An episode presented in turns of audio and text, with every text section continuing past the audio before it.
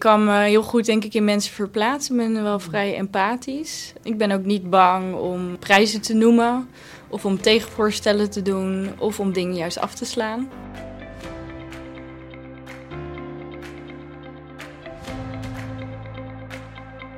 Welkom bij Mindful Millionaire, de spirituele podcast voor zakelijk succes. Jouw bron voor inspiratie en inzichten op het gebied van zelfontwikkeling, business, carrière, spiritualiteit en groei.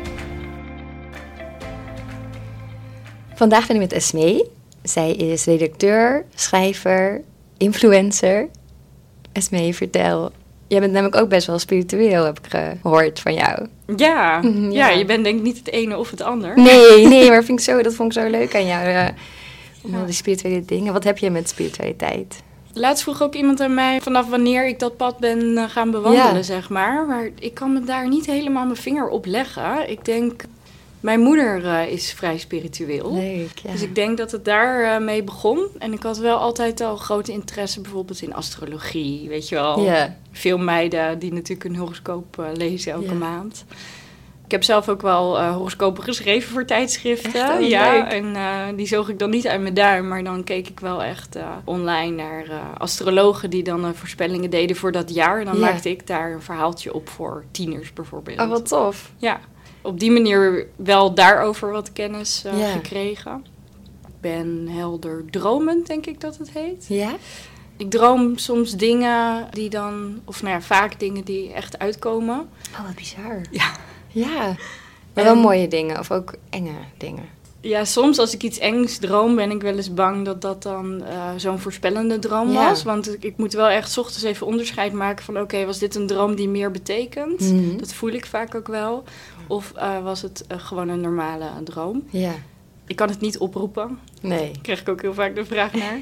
Vriendinnen die zeggen... eh, kan je niet even kijken of ik een jongen of een meisje krijg? Oh, ja. Of even vragen of wanneer ik ga bevallen? Want ik heb mijn eigen bevaldatum ook ja, doorgekregen in een droom. Ja. Oh, wauw. Oh, wat gaaf. Ja, dat was voor mij wel... Niet dat ik daarvoor natuurlijk niet spiritueel was... maar dat was voor mij wel de allergrootste bevestiging... Ja. dat er meer is. Want je kan niet met 16 weken zwangerschap twee data dromen... die Nee. ver van mijn uitgerekende datum aflagen. En op de ene datum, de 18e, braken mijn vliezen... en hij is op de 19e geboren. Oh, wauw. Vond ik een hele mooie bevestiging. Ja. Ja. Ja, dat je ook echt naar jezelf mag luisteren dus. En helemaal op jezelf kunt vertrouwen. Ja. Ja. ja, en voor mezelf, maar ook... Ik had het eh, natuurlijk ook tegen best wel wat mensen gezegd... Mhm. dat ik dat gedroomd had... en dat ik heel benieuwd wat, was of dat uit ging komen. Ja, ja. dit. ja. Ja, wat cool. Geslaagd. Ja, inderdaad. Ja. En nu, wat, ehm, wat, ja, wat doe je dagelijks voor spirituele dingen? Of wat, ja, wat doe je er nog, nu nog mee? Ik heb echt fases. Ja? Ik heb nu net een fase gehad dat ik heel weinig mee heb gedaan. En ik stap nu net weer een fase in dat ik er juist weer heel veel mee doe. Ja. Ik moet zeggen, in fases dat ik verdriet heb bijvoorbeeld. Vorig jaar toen ik uit elkaar ging eh, met de vader van mijn kindje... heb ik heel veel troost en vertrouwen gevonden, ook in het spirituele. Nou, daarna had ik dat weer even wat minder nodig. En nu eh, ben ik weer net een ontwikkeling ingestapt in- met een jaarprogramma... waardoor het wat meer eh, getriggerd wordt bij me. Ja. Dat ik weer wat meer... ja, en wat doe ik? Ja, mediteren vind ik niet per se heel spiritueel. Het kan het wel eens Mhm. zijn, maar niet standaard. Nou, dat dromen, dat gebeurt natuurlijk Ja. gewoon. Maar ook de ene fase erger dan de andere. Ja, ik pendel wel eens. Ik leg tarotkaarten. Ik heb meerdere kaartensets van Ja. jou natuurlijk ook. Eh, intenties. Ik visualiseer. Ja, bedenk het en ik doe een het. beetje. Ja. Heerlijk, ja. ja. mooi ook dat bij zoiets als verdriet... dat je daar dan steun aan kan krijgen. Ja, Ja. Ja, dat vond ik heel fijn. Ik ben gewoon. Ik was, ben ook gewoon heel nieuwsgierig van aard. Dat hoort Ja. natuurlijk ook bij mijn beroep. Ja, precies. Dus ja, dat ben ik ook op dat gebied. Dus ja. Ja. als ik dan over ayahuasca hoor, dan denk ik, oh, dat wil ik ook proberen. Of een cacao-ceremonie, oh, dat wil ik ook proberen.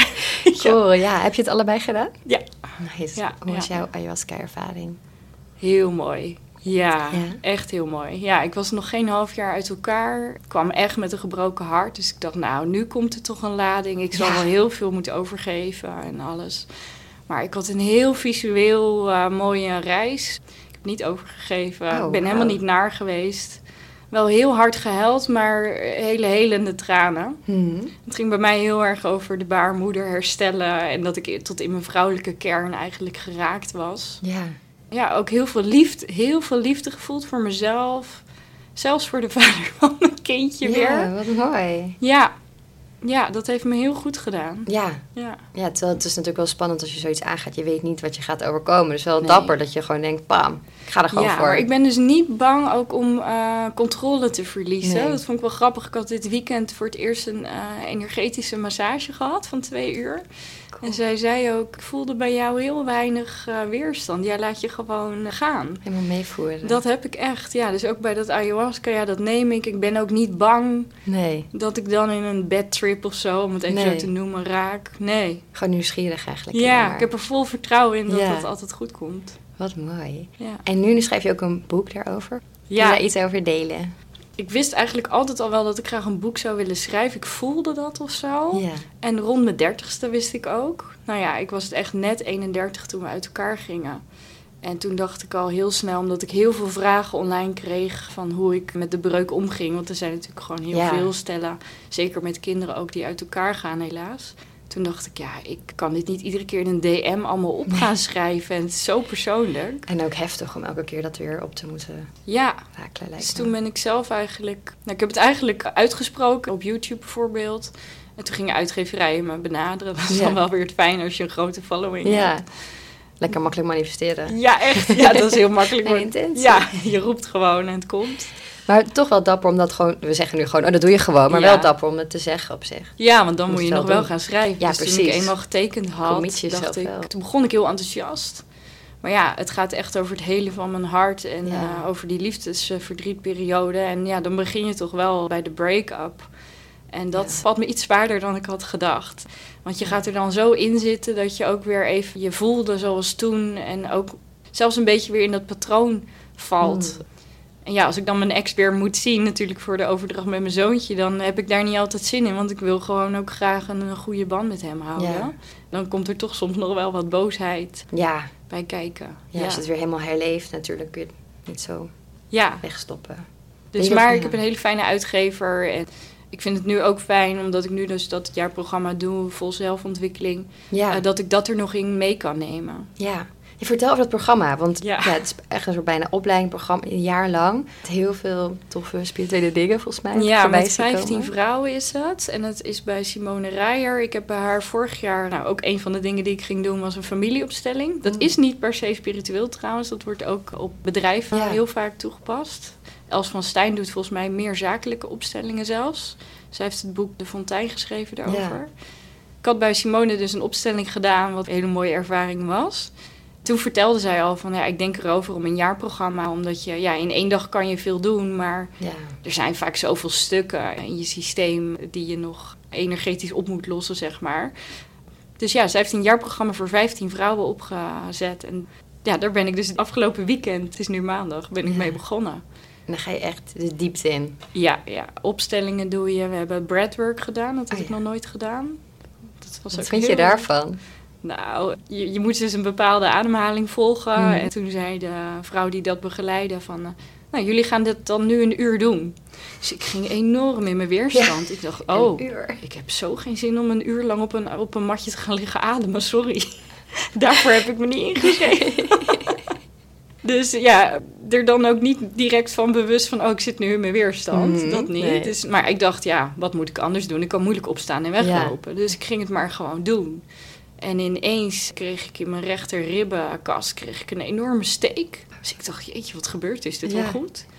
En ik moest huilen. Er kwam een, een heel brok verdriet uit. Oh, Als een klein kind heb ik liggen snikken. Oh jeetje. En, maar ook weer, ja, ik heb dat dus ook bij ayahuasca gehad. Het voelde niet als huilen echt van verdriet, maar echt alsof het er nog even uit moest. Ja, heel opluchtend. eigenlijk. Ja, Ja. Wauw. ik vond Maar het heel mooi. dat had ik trouwens ook met breathwork. Dat deden wij de dag voor ayahuasca. En ik, ik dacht van, wow, dit is echt bijna net zo sterk of zo. Ja. Qua visioenen ook en gevoel en zo. Ja, Heel bizar dat je met je eigen lichaam dat kunt doen. heel je armen en handen waren helemaal tintelend en eh, magnetisch, zeg maar, Ja. voor je gevoel. Ja. Ik vond het ook heel eh, mooi om daarmee te beginnen, want we waren als groep ook echt meteen helemaal, eh, helemaal erin. Ja, Ja. oh wat gaaf zeg. En dus ook familieopstellingen. Ja, we zijn dus met 15 vrouwen, dus we hebben de eerste dag eh, een stuk of acht opstellingen gedaan en dag twee ook. Ja. Dus ja, dat is ook wel intens. Maar ook de opstellingen van anderen, daar zijn wij dus representanten Ja. in. En die zijn dan ook weer helend voor je eigen systeem. Dat is heel mooi hoe dat werkt. Dat is heel moeilijk uitleggen. Ja. Als je, ja. Inderdaad, je bent een representant voor iemand anders. Wat moet ik daarbij voorstellen? Nou ja, eigenlijk, je werkt één voor één, werken heet dat dan. En dan komt bijvoorbeeld Truus, die gaat zitten naast de Simone die het begeleidt. En Simone vraagt dan, wij behandelen dit weekend eh, de vrouwenlijn in de familie. Dus ze vroeg van, eh, hoe is de band met je moeder? Leeft je moeder nog? Je oma? Zijn er bijzonderheden in de familie? Ja. Abortussen, miskramen, ongelukken, ziektes. Eigenlijk merk je dat in de zaal, 14 vrouwen, dat er vaak al bij een paar iets gebeurt. Dus ik had bij een paar dat ik ineens keihard begon te huilen. Gewoon. Ja, gewoon uit het niets Nou ja, en dan heb je dus een plek in de opstelling. Dus Ja. dan word je gevraagd om een plek te kiezen in de zaal. Dan moet je je innerlijke beweging volgen eigenlijk, dus je intuïtie. Het gekke is, je weet wat je moet doen. Ja. Je kan het niet verkeerd doen. Je gaat je echt gedragen en voelen als diegene uit die familie die je helemaal niet kent. Nee. Een vreemde gewaarwording is dat. Ja, want waar komt die wijsheid dan vandaan, denk Ja. je? Ja. Ze noemen dat het innerlijke weten of zo. Ja. Terwijl het dan niet spiritueel is eigenlijk. Het is een energieveld waar je op ja. werkt. Ja. En bijzonder. En zelfs niet-spirituele mensen voelen dit. Ja. Dus wetenschappelijk gezien zijn ze er ook nog niet helemaal uit hoe dit nou kan. Nee. Maar wel heel tof om dat met z'n allen ook zo te doen. Ja, echt. Ja. Ja. En met dit jaartraject, doe je het echt puur voor jezelf? Of denk je, nou, ik wil er ook zelf meer mee gaan doen? Nee, ik doe het echt puur voor mezelf. Om echt ervan te groeien als mens. En ik voel ook nog wel dat ik daarin nog wel wat werk te doen heb. Hmm. En ook heb ik heel bewust gezegd van voor ik een nieuwe relatie weer instap, Ja. wil ik echt dit opgelost hebben. En ook voor mijn kind natuurlijk. Dat was mijn grootste angst toen we uit elkaar gingen. Dat ik die verzuurde eh, oudere vrouw zou worden. die mannen zou haten. Nou, dat volgens is gelukkig al dat wel helemaal, het is al helemaal niet meer. Maar ik heb nog wel wat dingen ook uit mijn familie en uit mijn relaties. Meerdere relaties die ik een plek wil geven. En ik voel nu al na het eerste weekend... dat het me zo goed heeft gedaan... dat ik nu al helemaal uitkijk naar het tweede Ja. weekend. Ja, ja, heerlijk. Ja, gewoon lekker opruimen inderdaad en dan ja. weer door. enorm cadeau aan jezelf, denk Ja. ik. Ja. En over jouw werk, want jij zegt altijd van... ik ben eigenlijk een journalist-redacteur die per ongeluk influencer werd. Ja. Mensen hebben natuurlijk heel erg idee bij influencer. ja, eigenlijk werd iedere influencer een beetje per ongeluk influencer. ja. Dat is een mooie marketingterm. ja, dat is eigenlijk wel zo. Omdat ik vaak hoofdredacteur was. Eerst van online magazines en daarna van tijdschriften echt. Krijg je toch wel sneller meerdere volgers. Ja. Ik heb er toen een keer naast twee, drie jaar een fitblog gehad. Waardoor ik dan ook weer wat meer zelf met mijn gezicht natuurlijk naar buiten Ja. trad. Ja, dan word je benaderd voor campagnes. Ja. Ja, dat is alleen maar heel erg leuk. En ik kon er niet heel veel doen, omdat ik natuurlijk altijd fulltime werkte daarnaast. Dus ja, dat is een beetje uit de hand gelopen. Want toen ik vorig jaar nog voor tijdschriften werkte, ja, merkte ik dat het bijna niet meer te combineren was. Nee. Ook omdat ik niet meer dan drie dagen eigenlijk wil werken. Omdat ik tot mijn zoontje naar de basisschool gaat, Ja. wil ik echt veel voor hem zijn. Ja. Dat vind ik echt het mooiste cadeau Ja, eh, wat je kan geven. nog zo klein inderdaad. Ja, de ene moeder wil wel fulltime werken en de ander wil helemaal niet werken. En ik wil graag drie dagen werken. Ja, ik werk evenveel als dat ik echt fulltime... eh, Of ik ben ook drie hele dagen met hem. Dus Heerlijk. dat vind ik heel fijn. Ja. Ja. En nu, want nu dan doe je dan campagnes, maar vind je het ook soms, het lijkt me ook wel lastig dat iedereen met je meekijkt. Helemaal als je dan door bijvoorbeeld liefdesverdriet gaat of, of dingen meemaakt. Hoe ga je ermee om? ja, dat valt me heel erg mee. Ik zag er wel tegenop. Toen op het moment dat we uit elkaar gingen... heb ik er drie weken mee gewacht om het op mijn Instagram te zetten. Toen dacht ik ook op een gegeven moment... ja, het voelt alsof ik een toneelstuk op aan het voeren ben... terwijl ik juist altijd heel erg open ben eh, over alles. Nou, niet over alles, bijna alles. En toen kreeg ik natuurlijk ook wel veel reacties van... jeetje, dat hadden we nooit verwacht. Ja. ik ging niet mijn relatiestruggles delen. Nee. En kijk, nu ook mijn dateleven. Ik laat wel eens iets vallen. Of, maar ik voel niet echt de behoefte om dat online te delen. Nee. Ik ben ook gestopt met... uh, mijn zoontje komt met zijn gezicht bijna niet meer in beeld sinds uh, een paar maanden. Okay. Dus ja, mensen denken altijd dat ze alles van me weten, maar nee. Lang niet. Je kan nog wel een stukje privé houden. Ze zouden eens moeten weten. nu word ik nieuwsgierig. ik denk dat ik online een stuk serieuzer overkom dan dat ik in het echt ben. Ja? Ja, ik ben wel een boefje. Heerlijk. Maar je hebt natuurlijk gewoon je online, ik zou het geen personage willen noemen, maar dingen die je deelt en die je Ja. ook wilt delen. En je bent ook nog een eigen persoon. Allemaal dingen die je niet deelt. Ja, en ik vind het toch moeilijk. Ik ben wel bijvoorbeeld echt van de grove humor. Ja, met vrienden kan ik gewoon echt onder een tafel liggen van het lachen en heftige grappen maken. En uh, ja, die zijn online vind ik toch minder gepast. En Ja. dan ben ik minder eh, assertief, zeg Mhm. maar, in. Ja. Is er misschien ook niet het medium voor. Nee, nee. Dus, Toch eh, Instagram is meer inspirerend en delen qua wat Ja. je meemaakt in plaats van... Ja, snap ik wel. Ja. Ja, en ik voel ook voor Instagram, dat is wel mijn main eh, business, zeg maar, geworden. Mhm. En YouTube ernaast. Ik denk Instagram 75% wel ongeveer. Ja. Ik voel alsnog niet de druk om te plaatsen, te posten. En dat vind ik heel fijn dat ik dat niet heb. Nee. Nee, Ik kan me wel voorstellen dat je dat soms denkt... Oh, ik moet even iets posten, want Ja. mensen wachten. Maar dan kan je denk je gewoon nee. nee want ik heb gewoon soms totaal geen behoefte even Nee. om eh, iets te delen. Of ik weet even niet hoe ik iets onder woorden moet brengen. Of ik zit er gewoon zelf even niet lekker in. En. Ja, ik ga dan geen toneelstuk opvoeren. Ik zeg dan wel eens van, eh, joh jongens, ik gooi mijn DM eventjes, die schakel ik dan uit. Want mijn inbox stroomt gewoon standaard over. Ja, snap ik. En daar word ik soms wel echt knettergek van. Ook al is het onwijs leuk om contact met je volgers te hebben. Het is ook soms wel heel veel. Je moet je voorstellen dat je de hele dag door WhatsApps krijgt. Ja. Die krijg ik ook, Ja. van vrienden. En in mijn Insta krijg ik ook van vrienden, maar ook van eh, onbekenden natuurlijk. Allerlei vragen. Welke foundation gebruik je en welke kleur dan? En, Ja. eh, Ja, soms wel heftig, lijkt me overweldigend. ja. Ook al is het allemaal positief en lief bedoeld. Ja, dat is ja, vlijend ook wel natuurlijk voor je ego. Ja. En aan de andere kant ben ik best wel... Ja, ik heb heel veel behoefte aan alleen zijn en ruimte voor mezelf. ja. Dan vind ik het soms benauwend. Heb je hulp daarbij? Of doe je, want dat lijkt me lastig als influencer, zijnde dat dat je beroep is, dat is on you. Maar heb je ook hulp, mensen die je helpen daarbij? Ik ben wel afgelopen jaar meer freelancers in gaan zetten. Ik heb wel heel lang sowieso een bureau dat me helpt bij sales. Hm. Maar omdat ik zelf sales zo leuk vind... en ik durf wel te zeggen dat ik er ook goed in ben... doe ik dat toch wel voor 80 à 90 procent komen toch vanuit mij. Ja. Ik heb sinds dit voorjaar een freelancer ingezet om mijn YouTube, mijn video's te editen. Dat Ja. scheelt al enorm. ja, dat lijkt me heel veel werk. Ik ben nu een videoserie aan het opnemen. Zij is dan de ehm, cameravrouw, om het even zo te Ja. noemen. En verder, ja, nee, heb ik eigenlijk weinig hulp. Ik doe alle mails zelf Jeetje. en DM's zelf. Ja, maar dat betekent dus ook wel dat ik heel veel ook niet kan antwoorden. Nee, Het nee. gaat gewoon niet. Nee, dat snap ik. Dan krijg ik wel eens reminders van... ja, we hebben je vorige week hier en hiervoor uitgenodigd. En dan weet ik al dat ik niet kan komen. En dan is het heel onaardig. Maar Ja. het kost mij zoveel energie om dan weer te sturen... ik kan niet komen. Dus ja. ik antwoord eigenlijk alleen als ik wel kom. Ja. ja, slim. Ja. Dat moet ze ook maar begrijpen.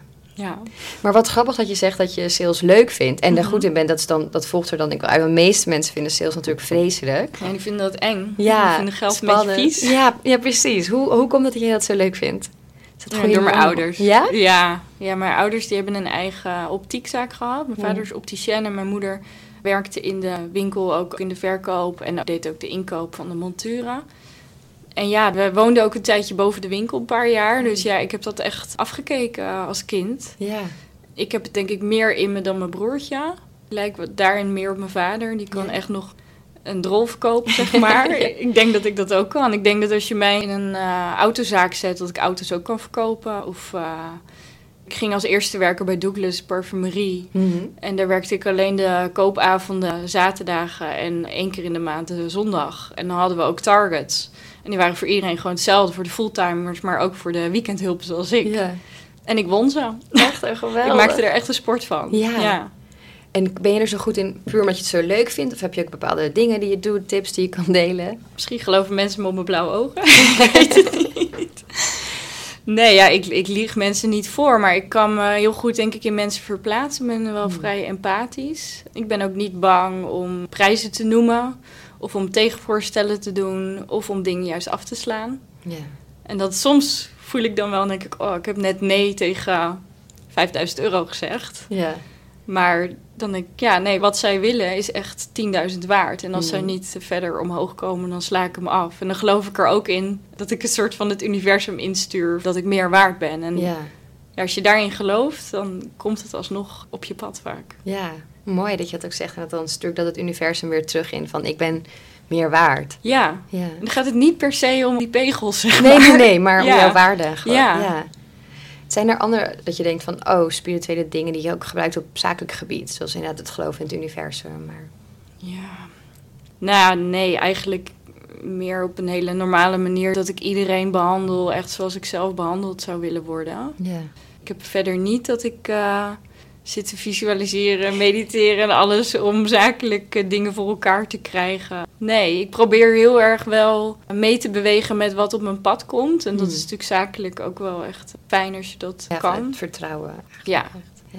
als een keer een campagne echt niet voor mij is, of, dan kan ik er ook wel op vertrouwen dat het dan even niet ook bij mij hoort. Dat Ja. het ook niet goed was voor me. En wat zijn je zakelijke dromen? Als je ze toch mag visualiseren. Nee. Toen ik 27 was, werd ik voor het eerst hoofdredacteur van een tijdschrift. Dat was altijd wel mijn doel. Ja, maar ben je Ja. 27, vind je... Ben je 27? En toen gingen mensen me altijd al vragen, ja, wat En nu? hierna? Ja. En nu? Eigenlijk was mijn antwoord altijd, ja, ik wil nu genieten van wat ik nu bereikt heb. En dat heb ik eigenlijk nu nog steeds. Ik heb wel een idee voor de toekomst. Ja, daar mag ik absoluut niks over. Hij heeft een helderziende, een medium Oh. heeft dat met mij uitgewerkt. Ja, heel mooi. Daar moet ik eigenlijk wel al mee beginnen. Maar ja, het is heel veel allemaal. En een Ja. boek schrijven en je campagnes. En dan ook nog een eh, heel nieuw businessplan uitwerken. Mhm. Dus eh, dat stel ik nog eventjes lekker uit. Maar als Otis naar school gaat over anderhalf jaar, dan hoop ik wel weer iets meer te gaan werken. En eh, dat ook op te kunnen gaan pakken. Maar ja, lekker vaag, kan er niks over zeggen. Maar wel mooi dat je het met een medium eh, over hebt gehad. Ja, Dat is heel gaaf. ja. ja, zij doet ook zakelijke consult. En bij mij was het dan een combinatie. En Ja. ja, ja zij was echt spot on. Wat bizar, hè? Ja, Hoe kan zoiets? vond ik heel knap. Ja, Ja. ja heerlijk. Dus daar kijk ik wel naar uit. Maar ja, of ik nou echt doelen heb. Ik denk dat dit influencer-bubbeltje echt nog wel gaat barsten. Hm. Of dat het in ieder geval wel weer gaat veranderen. Dan hoop ik dat ik daarin mee kan bewegen. Maar misschien ben ik te oud, hè. Want bijvoorbeeld nu met TikTok... Ja, daar heb ik helemaal niks mee. Nee. Het is ook echt zo niet van onze generatie, Nee. mij. Ik snap het ook echt niet. Ik snap het niet. Ik zie wel dat het grappig is. Maar ik heb die app bijvoorbeeld ook niet. Ik kan het ook niet editen. Ik- Ja, mijn ambitie ligt daar niet. Nee. Maar ja, mijn doelgroep misschien ook niet. Want jij bent bijvoorbeeld al mijn doelgroep. Dus Ik zit er ook niet op. nee. Nee, grappig inderdaad hoe dat werkt. Ja, op welke manier denk je dat het gaat barsten? Ik denk dat er toch wel weer andere kanalen gaan komen. Ja. Ik ben wel heel blij. Toevallig is vandaag de dag dat vijf jaar geleden mijn eerste vlog online kwam. Oh, echt? Zag ik, ja. Toen verklaarden mensen me echt voor gek. Van, Ja. ga je vloggen? Oh jeetje, net als Monica Geuze. Nu ben ik heel blij dat ik vijf jaar geleden toch die stap heb gezet. Ja, want toen werd YouTube net echt Toen een beetje het een groot. beetje, en toen dacht ja. ik, ja, ik moet nu instappen, want anders dan ben ik te laat. Ja, dat is Ja, een goede helderziende ja. bam, blik. Dus ik probeer de, de ontwikkelingen wel in de gaten te houden, maar ja, het komt wanneer het komt. Ja, wat hierna komt, nog geen idee. Ja, en ik vind het altijd leuk dat mijn doelgroep met me meegroeit. Mhm. Want ik kan natuurlijk in de statistieken ook de leeftijden Oh ja. zien. Ja, En dan zag ik altijd, eerst was mijn doelgroep tussen de 18 en 24, weet je wel. En dan Ja. een paar eh, tussen de 24 en 32. En nu is mijn doelgroep echt mijn eigen leeftijd. Echt eh, eind 20 eh, tot begin 40. Ja. ja. ja, dan kun je ook helemaal jezelf zijn. Ja. En dan denk ik, nou ja, over tien jaar, dan is mijn doelgroep zijn ook allemaal veertigers. Ja. Dus ja, die, zit er al steeds niet op TikTok. denk ik niet. Nee. Nee. Ik eindig altijd met een paar hele korte vragen. Dan mag je heel snel antwoorden in één woord of in één zin wat er in je opkomt. Om een lekker tempo in te houden. Ik zal mijn best doen. Maar voordat we dat gaan doen, is er zelf nog iets waarvan je denkt: oh, dit wil ik graag delen of aankondigen of zeggen? Nee, eigenlijk niet. Nee, Nee? sorry. Nee, nee, dat is alleen maar goed. Oké, je Favo-boek. Jeetje, moeilijk. Favo-boek. Ja, heel standaard, maar de Alchemist van eh, Hmm. Paulo Coelho. Is Ja. niemand genoemd? Nee? Oh, Nee, volgens mij niet. Blijft een mooie. Ja. ja. Meest inspirerende persoon. Mijn moeder. Hmm, mooi. Ja. Beste quote. What you allow is what will continue. Hmm, mooi. Op heel veel fronten mooi, ja. Ja. ja. Grootste business fuck-up. Fuck up. Jeetje. Ik heb er wel een paar. Even te denken. Nee, Mag ook iets heel kleins zijn. echt een fuck up, nee. Ja, ik heb wel eens gehad dat ik net een campagne tekende bij een concurrent. En dat van de vorige campagne nog iets online moest. En dat kon dan echt niet. En dan zat ik echt even met zweet op mijn rug. Dan moest ik bellen van ja, sorry, zij hebben toch nog iets van mij te goed. Dus ja, dat soort eh, dingetjes gebeuren me wel eens. Verder heb ik niet echt enorme vak-apps met fouten op covers of lege bladzijden in tijdschriften. Uh, nee. Gelukkig. nee. Beste businessadvies dat je hebt gekregen? Ja. Het is het ook weer, werk niet aan je bedrijf. Of werk niet voor je bedrijf, maar aan je bedrijf. Hmm, ja. Ja. ja, mooi. En mooiste spirituele les die je hebt geleerd? ja, dat je echt mag vertrouwen. Ja. Mooi. ja, ik denk toch dat voor iedereen het pad voor grotendeels eh, toch wel best wel vast ligt. Ja. Hoe meer je meebeweegt, hoe minder je in je weerstand zit, hoe fijner dat pad is. Ja. Mooi. Met alle shit die erbij hoort. Ja, Want die komt er gewoon bij. ja, ja, ja, ja. Maar juist dus, ja, dat heb ik wel echt geleerd. Juist als ik me verzet tegen dat verdriet bijvoorbeeld vorig Ja. jaar. Als ik dan weer die tranen dacht ik, oh, ik heb hier zo geen zin in. Ik wil niet zo'n dag, weet je. Ik wil me gewoon goed voelen. Ik heb geen zin meer om hem te huilen. Maar juist als ik gewoon even ging zitten en ging voelen en even helde en even iemand belde en zei van, nou, ik heb gewoon zo'n kutdag. Dan mocht het er zijn en dan, dan appt het ook weer sneller weg. Ja, dus Ja. niet vechten inderdaad tegen Nee. zulke Nee, soort dingen. Je favoriete kristal? toch rooskwarts. Hmm. Ja, alhoewel ik de laatste tijd veel de rookkwarts pak voor mijn zoontje, omdat hij heel erg in zijn bangfase zit en Oh. alles. En die geeft vertrouwen waarschijnlijk. Ja. Ja, Oh, wat lief, wat goed. ja. Als allerlaatste je wens. Een wens. Ja, om echt, dat voel ik de laatste tijd heel erg, de wens om echt, echt iets van mijn leven te maken. Ja, echt plezier te hebben, Ja, te genieten van het leven.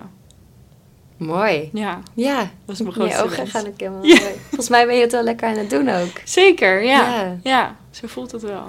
Hmm, Dankjewel. Thanks. heel leuk.